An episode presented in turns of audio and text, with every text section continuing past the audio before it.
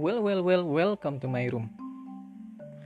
Dan kali ini gue mau cerita terkait suatu sistem sistem keluarga yang ada di SMP gue waktu itu. SMP gue waktu itu posisinya di Jakarta Utara dan itu merupakan SMP yang paling favorit buat orang tua orang tua murid yang pengen anaknya tuh ya tau lah sendiri. Dibanding bandingin ke orang tua murid yang lainnya atau tetangga atau yang lainnya. Eh ini loh karena gue eh, sekolah di SMP ini punya suatu kebanggaan sendiri lah tapi gue nggak mau cerita terkait itunya. Gue mau cerita terkait sistem keluargaan atau sistem keluarga ya. Nah pasti pada bingung kan apa sih sistem keluarga? Dan gue pun bingung. Gimana yang menjelaskannya awalnya siapa yang mencetuskan? Terus kapan ya? Ini ini lahir sistem keluarga ini lahir itu gue juga nggak tahu siapa dan kapan. Tapi ketika gue SMP di situ gue merasakan kita awalnya dulu deh ya. Awalnya mungkin seperti ini. Ada pasangan yang ya mereka pacaran lah ya udah resmi udah si cowoknya menyatakan cinta ke ceweknya dan ceweknya pun menerima dan mereka pacaran akhirnya. Dan ketika pacaran pun mereka pasti ada suatu nama panggilan. Ya panggilan kayak ayah bunda terus ada papi mami terus ada apa lagi ya? Abi mungkin? Abi umi? Nah mulai dari situ barulah si pasangan ini boleh menentukan boleh memilih suatu anak. Jadi misalkan pasangan ini pingin punya dua anak. Nah dua anak ini mereka nunjuk nih temennya siapa yang mau. Dan bukan siapa yang mau juga sih. Pokoknya dia dinyatakan sebagai anaknya mereka. Jangan pasangan ini nunjuk si A untuk anak pertama terus si B untuk anak kedua. Nah terus ketika di suatu perbincangan jadi kalau kalau ketemu antara si pasangan ini sama si A sama si B ini dia manggilnya bukan nama tapi lebih ke anak. Nak nak nak nakku dan awalnya sih terdengar geli untuk ngedengar itu semua ya tapi nggak tahu karena emang gue juga waktu itu pernah ditunjuk sebagai anak. Nah ditunjuk sebagai anak gue jadi dipanggilnya sama pasangan itu tuh anak jadi nak uh, terus anakku. Terus ada juga yang ceweknya bilang uh, sayangku walaupun itu sebagai anak ya. Nah lanjut dari situ barulah jika jika si anak ini punya pasangan nah pasangan inilah yang nanti boleh milih anak lagi begitupun seterusnya nanti. Sampai buyut buyut buyut buyut buyut. Sampai anak paling terakhir cucu cucu cucu. Bahkan sampai ada yang dibilang nenek waktu itu. Karena emang dia punya anak yang sudah punya pasangan dan punya anak lagi. Dan anaknya ini ya manggil nenek ke pasangan yang sebelumnya. Tapi sebenarnya ada juga yang mereka tuh bukan pasangan. Tapi mereka dijodohkan seperti halnya si cewek atau si cowok ini salah satunya ada yang suka. Tapi mereka tidak ingin e, mengungkapkan secara langsung atau secara terbuka. Jadi sempat waktu itu gue juga pernah dipaksa bukan dipaksa juga ya e, diminta. Diminta sebagai seorang calon suami. Nah karena waktu itu gue udah jadi anak dan gue mau-mau aja iya iya aja karena ya nggak ada ruginya juga sih buat gue waktu itu. Mau dapat pasangan kayak mau dapat mau nggak ada pasangan kayak ya gue nggak terlalu mikirin. Karena emang waktu itu tuh nggak terlalu fokus untuk pacaran juga. Dan akhirnya gue dijodohkan sampai sampai pas pulang sekolah pas pulang sekolah pas sudah pada sepi gue ditarik ke lapangan dan gue kaget dong ketika di situ tuh udah pada duduk-duduk dan ada calon istri gue ada calon istri gue yang udah duduk di situ juga. Ada meja. Satu ya lu tahu sendiri ya meja kecil. Terus ada satu orang lagi duduk pakai peci. Dan ternyata itu tuh adalah resepsi pernikahan. Astaga gue waktu itu bingung banget. Dan karena gue nyeritainnya sekarang sudah umur sekitar 25an gue cuma bisa ketawa-ketawa sekarang. Ya udah jadi saat itu gue duduk samping calon istri gue terus gue salaman sama si penghulunya. Dan ya gue nyebutin apa? Ijab kabul ya namanya? Iya ijab kabul. Gue terima nikahnya. Dan itu resmi. Dan akhirnya ya kita sebagai satu pasangan lah ya.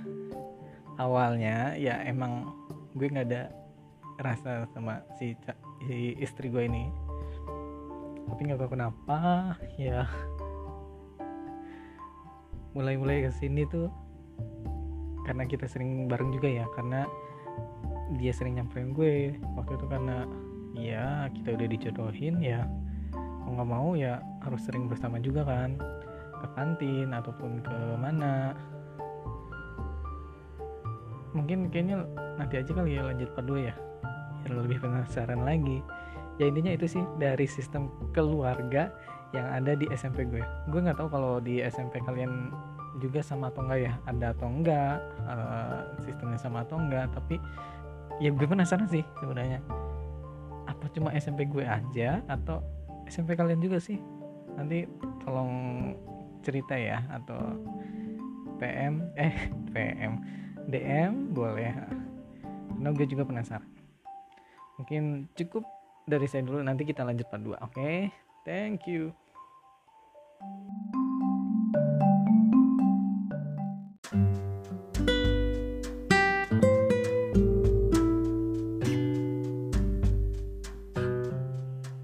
Well, well, well, welcome to my room again.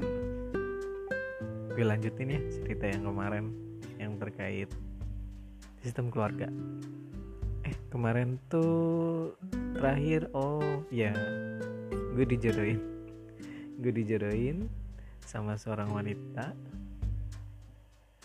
yang bernama Prilly. Itu nama panggilan sih Prilly. Gue masih inget banget. Tapi gue lupa nama panjangnya itu siapa. Prilly. Dia beda kelas sama gue. Tapi nggak tahu kenapa kita tiba-tiba dijodohin. Dan gue mau mau aja iya iya aja. Karena gue juga nggak ngerti sama sistem kekeluargaan ini. Prilly ini dia sebahu gue waktu itu. Terus perawakannya sih imut kecil lucu dan yang paling beda tuh rambutnya itu yang keriting. Dan keritingnya pun di diikat ya diikat kencil kuda gitu. Makanya gue sedikit tertarik sama dia karena yaitu dia beda. Karena di SMP gue pun ya rata-rata wanita perempuan-perempuannya itu rambut lurus terus yang berhijab juga ada. Tapi nggak tahu ya gue lebih tertarik sama dia. Dan dari situlah kita mulai deket kita kadang ketemu di kantin terus makan bareng terus kadang kita juga pulang bareng. Terus kadang kita sebelum kan biasanya anak SMP tuh nggak mau langsung pulang ya. Kadang main-main dulu di sekolah nggak tahu nggak jelas main apa ngobrol-ngobrol. Dan dulu juga karena gue ketua osis di SMP gue jadi kadang gue nggak pernah yang namanya pulang cepet. Kadang ya pulang pulangnya dilama-lamain lah nanti jangan ditiru ya. Nanti bilang orang tuanya paling rapat rapat osis atau yang lain-lainnya. Padahal mah ngobrol-ngobrol di sekolah sampai kadang sampai maghrib. Dan kadang dia juga nemenin si Prilly ini. Nah dari situ kita deket udah lumayan lama kita deketnya juga udah ya gue lupa ya dua atau berapa bulan lah. Nah ada suatu momen ketika si Prilly ini tiba-tiba ngajak gue ke mall. Gue kaget dong. Kan seharusnya itu cowok yang ngajak ke mall atau cowok yang ngajak jalan-jalan si ceweknya. Tapi ini si ceweknya yang ngajak jalan cowoknya. Gue sedikit seneng sih karena ada ya ada seorang perempuan yang ngajak gue ke mall. Selain nyokap gue ya. Ya nyokap gue mah ya sering lah ya. Dan akhirnya kita janjian tuh hari Sabtu atau Minggu lupa. Pokoknya hari libur itu pas pagi jam 9an dan kita naik angkot waktu itu berdua. Kita naik angkot berdua terus kita jalan ke suatu mall. Jalan ke suatu mall di Jakarta Utara Kelapa Gading kalau nggak salah. Ya kita ke Kelapa Gading. Nah tapi gue kaget juga. Gue kira gue tuh jalan cuma berdua. Ternyata si Prilly ini ngajak temen ceweknya dua orang. Ya kan gue jadi kambing conge kan. Di antara mereka tapi enggak ternyata si Prilly ini malah uh, lebih dekatnya ke gue jadi jalannya kita tuh dampingan. Sedangkan yang temennya itu jalan di belakang. Nah kita jalan kita juga nggak ngerti kita juga nggak tahu tujuan kita di mall tuh ngapain. Ya kita tuh muter-muter aja udah kayak udah udah mengitari berbagai stand. Dan akhirnya kita duduk di suatu corner corner makanan gitu. Dan kita tuh cuma beli es krim. Karena ya tahu sendiri lah ya namanya juga anak SMP anak SMP ya beli apa paling cuma es krim ciki terus jajanan yang kecil-kecil nggak sampai makan-makan yang restoran-restoran. Dan itu pertama kalinya gue ngerasa yang namanya punya pacar. Karena pas SMP tuh gue nggak pernah sama sekali ada niatan buat pacaran kan. Dan ah banyak alasan lah pokoknya. Yang pertama karena kegiatan osis gue terus gue juga waktu itu masih sering disuruh orang tua buat ngejar peringkat. Jadi harus peringkat lima besar lah maksudnya. Nah makanya kehadiran si Prilly ini yang bikin gue tuh ya berdebar-debar lah istilahnya ya.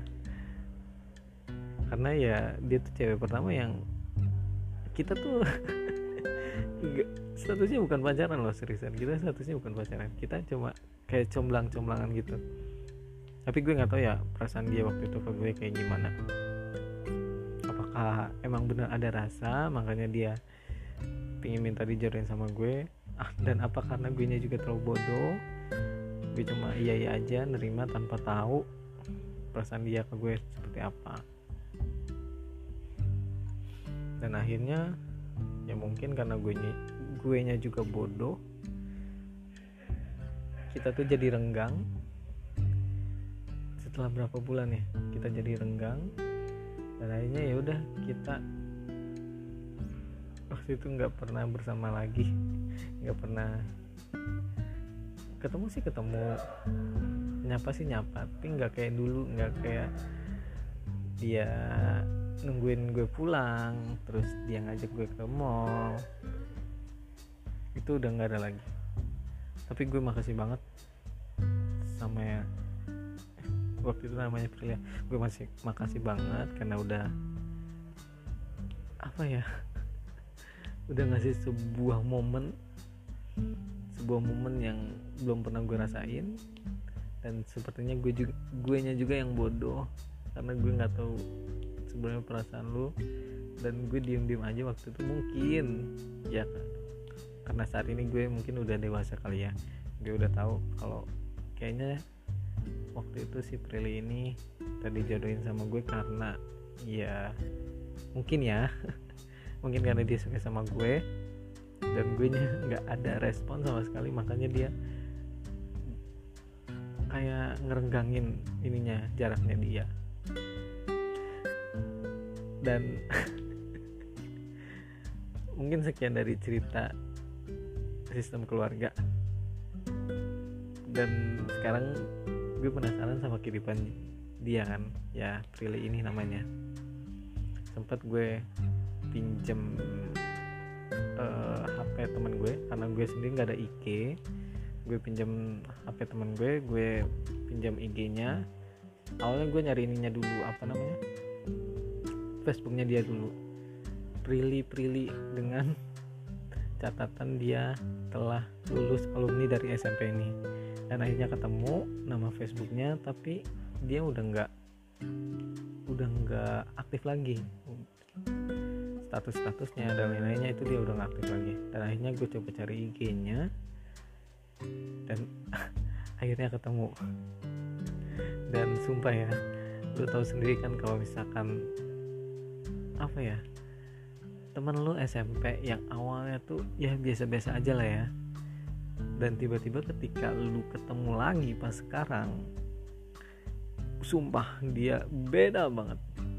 Tambah cantik tambah putih mungkin terus tambah imut. Ya kalian tersendiri lah ya. Apalagi kalau mantan-mantan SMP dan ya kemarin gue nemu IG-nya gue gue kaget juga karena sumpah dia cantik banget. Gue agak nyesel juga sih sedikit nyesel. Dan gue lihat lagi uh, foto-fotonya dia terus dan ternyata ya dia sudah menikah dengan seorang cowok dan ya.